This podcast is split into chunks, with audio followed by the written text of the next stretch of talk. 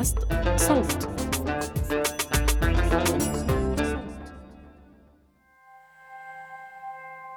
بين فترة والتانية بتوصلنا أخبار من الهند عن الاحتقان الديني والكراهية تجاه المسلمين. بتمر علينا مقاطع فيديو مؤذية بعناوين على غرار هندوس يقتلون مسلما بعد ذبحه بقرة متطرفون هندوس يهينون مسلما أمام طفلته تهجير قرى مسلمة في ولاية آسام الهندية. عناوين مشتتة ما بتبني عنا صورة متكاملة عن شو بصير في الهند.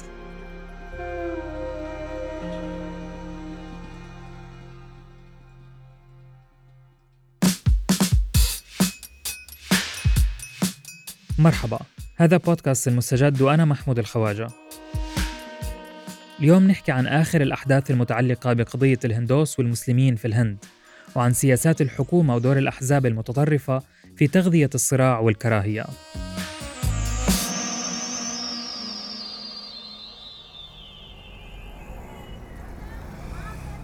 المسلمين في الهند عبارة عن أقلية. بس لما بنحكي أقلية بنحكيش عن آلاف ولا ملايين. إنما 200 مليون مسلم حسب التقديرات في بلد بيسكنها حوالي مليار و400 مليون إنسان.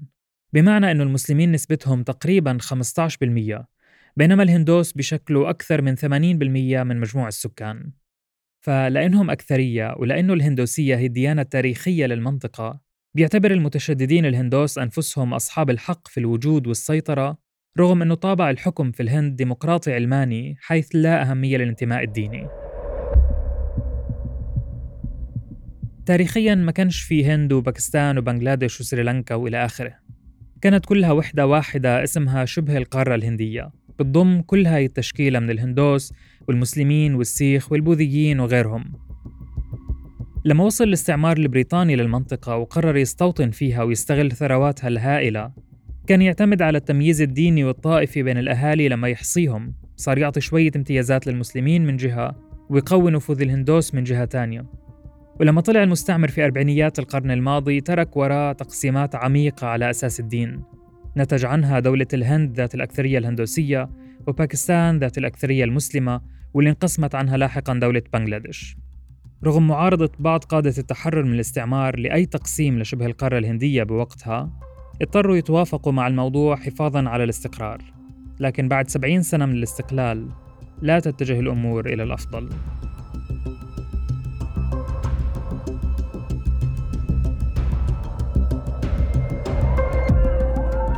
الأسبوع الأخير من أكتوبر تشرين الأول 2021 توتر أمني في ولاية تريبورا. حرق مساجد نهب متاجر مواجهات عنيفة مع الشرطة. الأقلية المسلمة في الولاية بتدفع الثمن الأكبر في الاشتباكات. قبل أيام طلعت مظاهرة نظمها قوميين هندوس ألقوا خلالها خطابات تحريضية ضد المسلمين. التحريض بدوره كان متأثر باحتقان ديني معاكس عم بيصير في الجارة بنغلاديش ذات الأكثرية المسلمة والأقلية الهندوسية. في منتصف الشهر نفسه طلع خبر على السوشيال ميديا بيحكي إنه في أشخاص هندوس خلال احتفالهم بمهرجان مقدس في بنغلاديش وضعوا مصحف عند قدم ضريح أحد آلهتهم على سبيل الإهانة. هيك من الباب للطاقة. لاحقا أعلنت مصادر أمنية أنه الحدث كان مفتعل والحقيقة أنه اللي وضع القرآن وبلغ عنه وصور الحدث ونشره على فيسبوك. هم أشخاص مسلمين خططوا لعمل فتنة. بس بعد شو؟ بعد ما أغضب الخبر مسلمين متشددين اللي هاجموا مواطنين هندوس وحطموا معابدهم وحرقوا بيوتهم في اعتداءات راح ضحيتها ستة من الهندوس. هلا لو نتأمل الخارطة بنشوف كيف بنغلاديش محاطة بالهند من معظم الجهات. إذا عملنا زوم شوي بنشوف كيف ولاية تريبورا الهندية محاطة ببنغلاديش من معظم الجهات. جغرافيا وديموغرافيا متداخلة ببعضها عشان هيك ما كانش غريب إنه الكراهية تعبر الحدود وتدفع الهندوس المتطرفين في تريبورا لارتكاب ما ارتكبوه ضد المسلمين.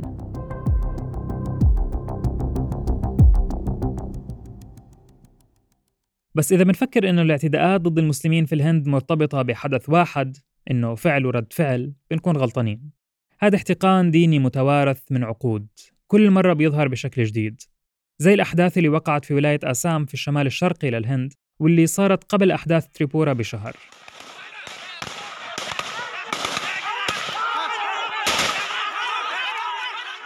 سبتمبر أيلول 2021 ولاية آسام الهندية.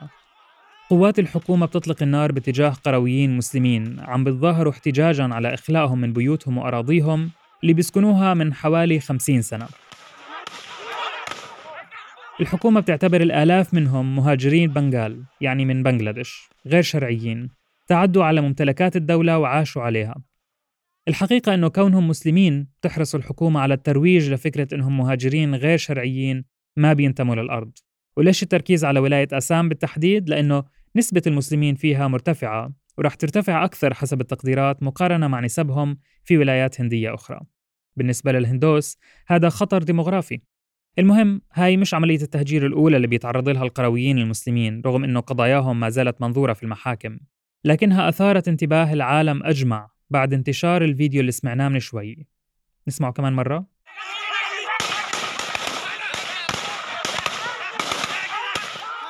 أثناء إطلاق القوات الحكومية النار على أهل القرية المسلمين على الجهة المقابلة بيظهر أحد القرويين وهو عم بركض بالهراوة ورا مجند ومصور صحفي. بعد لحظات بيطلقوا رصاصة على صدره بيوقع على الأرض وبيكملوا عليه بالهروات لحتى يفقد الوعي. المفاجئ كان إنه المصور اللي يفترض إنه صحفي ساهم بضرب الرجل المصاب والفاقد للوعي ودعس عليه بوحشية كذا مرة. انتشار الفيديو ضغط على الحكومة وأعلن عن توقيف المصور الصحفي لاحقا.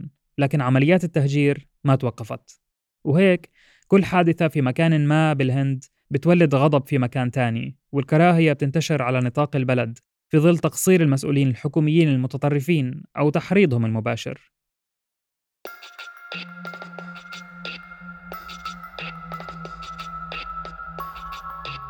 اليوم كل ما زاد تمثيل الأحزاب المتطرفة ذات الهوية الهندوسية القومية في السلطة بتزيد نسبة التحريض وجرائم الكراهية. في 2014 وصل للسلطة حزب الشعب الهندي اللي بينتمي له رئيس الوزراء الحالي ناريندرا مودي. هذا الحزب المعروف ببهاراتيا جناتا توجهاته يمينية شعبوية وبينتمي لأيديولوجية قومية بسموها في الهند هندوتفا. ما بتبنى علمانية الهند كبلد بيحتوي تنوع ديني وعرقي هائل بقدر ما بتبنى الهوية القومية الهندوسية اللي تتعامل بدونية مع كل شيء آخر. فمن وقت وصول بهاراتيا جناتا للسلطة وفوزه بالبرلمان. كان في موجة كراهية جديدة تدعمها قرارات بالبرلمان وتصريحات رسمية. قبل قضية إخلاء قرى المسلمين في أسام ساهم تعديل قانون المواطنة اللي تم تمريره في أواخر 2019 في تأجيج الأوضاع. فعلى ماذا ينص القانون؟ ينص على تسريع في تعقب أبناء الأقليات الدينية اللي دخلوا البلاد من أفغانستان وبنغلاديش وباكستان قبل عام 2015 ليش؟ لمنحهم الجنسية الهندية أحسن ما يتصنفوا مهاجرين غير شرعيين. ممتاز. توجه إنساني تشكر عليه الحكومة الهندية. ولكن ما هي الأقليات الدينية المقصودة يا حكومة؟ والله يا فلان زي الهندوس والسيخ والبوذيين والمسيحيين والجانيين والبارسيين. وهيك بنفهم أنه المسلمين القادمين من هاي البلاد في نفس الظروف مستثنيين من تعديل قانون المواطنة. بالعكس في نسبة مواطنين منهم كانوا مهددين بنزع الجنسية اللي حصلوا عليها قبل حوالي 50 سنة. بالمناسبة الحديث عن قانون المواطنة برجعنا لأسطورة الديموغرافيا. في تخويف دائم للهندوس إنه يا جماعة اليوم المسلمين 15% صحيح بس هذول بخلفوا كثير وأعدادهم في نمو متسارع بكرة راح يأكلوا البلد. نسيجنا الاجتماعي في خطر تناغمنا ونمونا في خطر.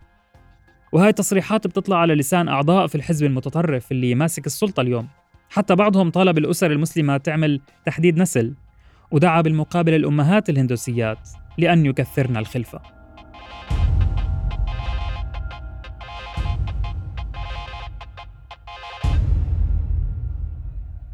نتيجة تعديل القانون طلعت مظاهرات ذات ألوان مختلفة ضده.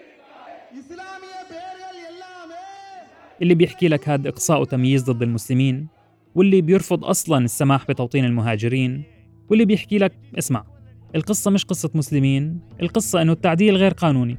إحنا بلد علماني مش المفروض نمنح جنسية على أساس الدين. لكن على إثر الحراكات الكبيرة صار في توتر أمني ووقعت اعتداءات متتالية على المسلمين خصوصا في العاصمة نيودلهي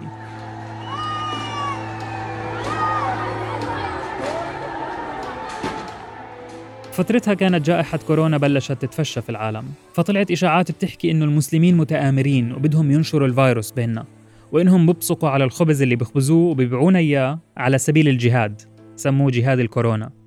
وغيرها من الأخبار اللي كانت تنتشر على السوشيال ميديا وتزيد الطين بلة. قتل في الاعتداءات العشرات من المسلمين. ولليوم بناضل الضحايا للحصول على العدالة من أجهزة الدولة المتحيزة ضدهم. أحد التقارير الحقوقية اللي سبقت أحداث نيودلهي بيحكي إنه نصف العاملين في جهاز الشرطة متحيزين وبيقل تدخلهم في الجرائم اللي بيكون المسلمين ضحيتها دون عقاب للمعتدين المتطرفين من الهندوس. طول السبعين سنة الماضية كانت موجات العنف تزيد وتهدأ. أحيانا شكلها فردي وأحيانا ارتقت لمستوى مجزرة. آلاف الهندوس والمسلمين قتلوا على مر السنين بسبب هذا العنف المتكرر اللي بياخد كل مرة أشكال مختلفة.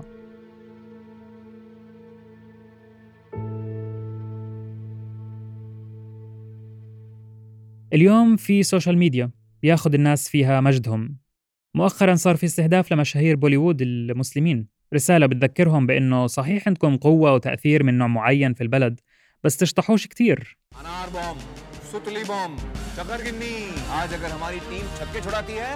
هاد إعلان تلفزيوني لشركة إطارات سيارات هندية بطله نجم بوليوود عامر خان عم بيوعي الناس بشكل أو بآخر بعدم استخدام الألعاب النارية في الشوارع وتعطيل حركة السيارات أثناء الاحتفال بعيد الديوالي الهندوسي المقدس ما ضلش حدا ما انتقد الشركة المصنعة للإطارات وعامر خان المسلم اللي اعتبروه عم بقلل من شأن عيد الديوالي وإنه ليش ما تروح تحكي لجماعتك المسلمين ما يسكروش الشوارع وقت الصلاة؟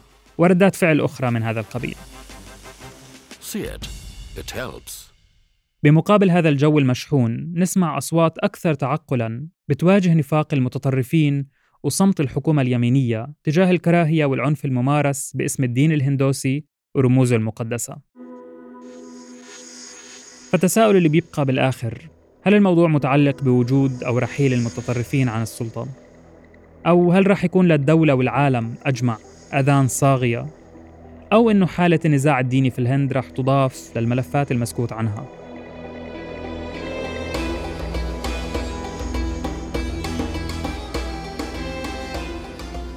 كنت معكم في هاي الحلقة من الكتابة والتقديم محمود الخواجة من البحث أحمد إيمان زكريا ومن التحرير عمر فارس من الهندسة الصوتية محمود أبو ندى.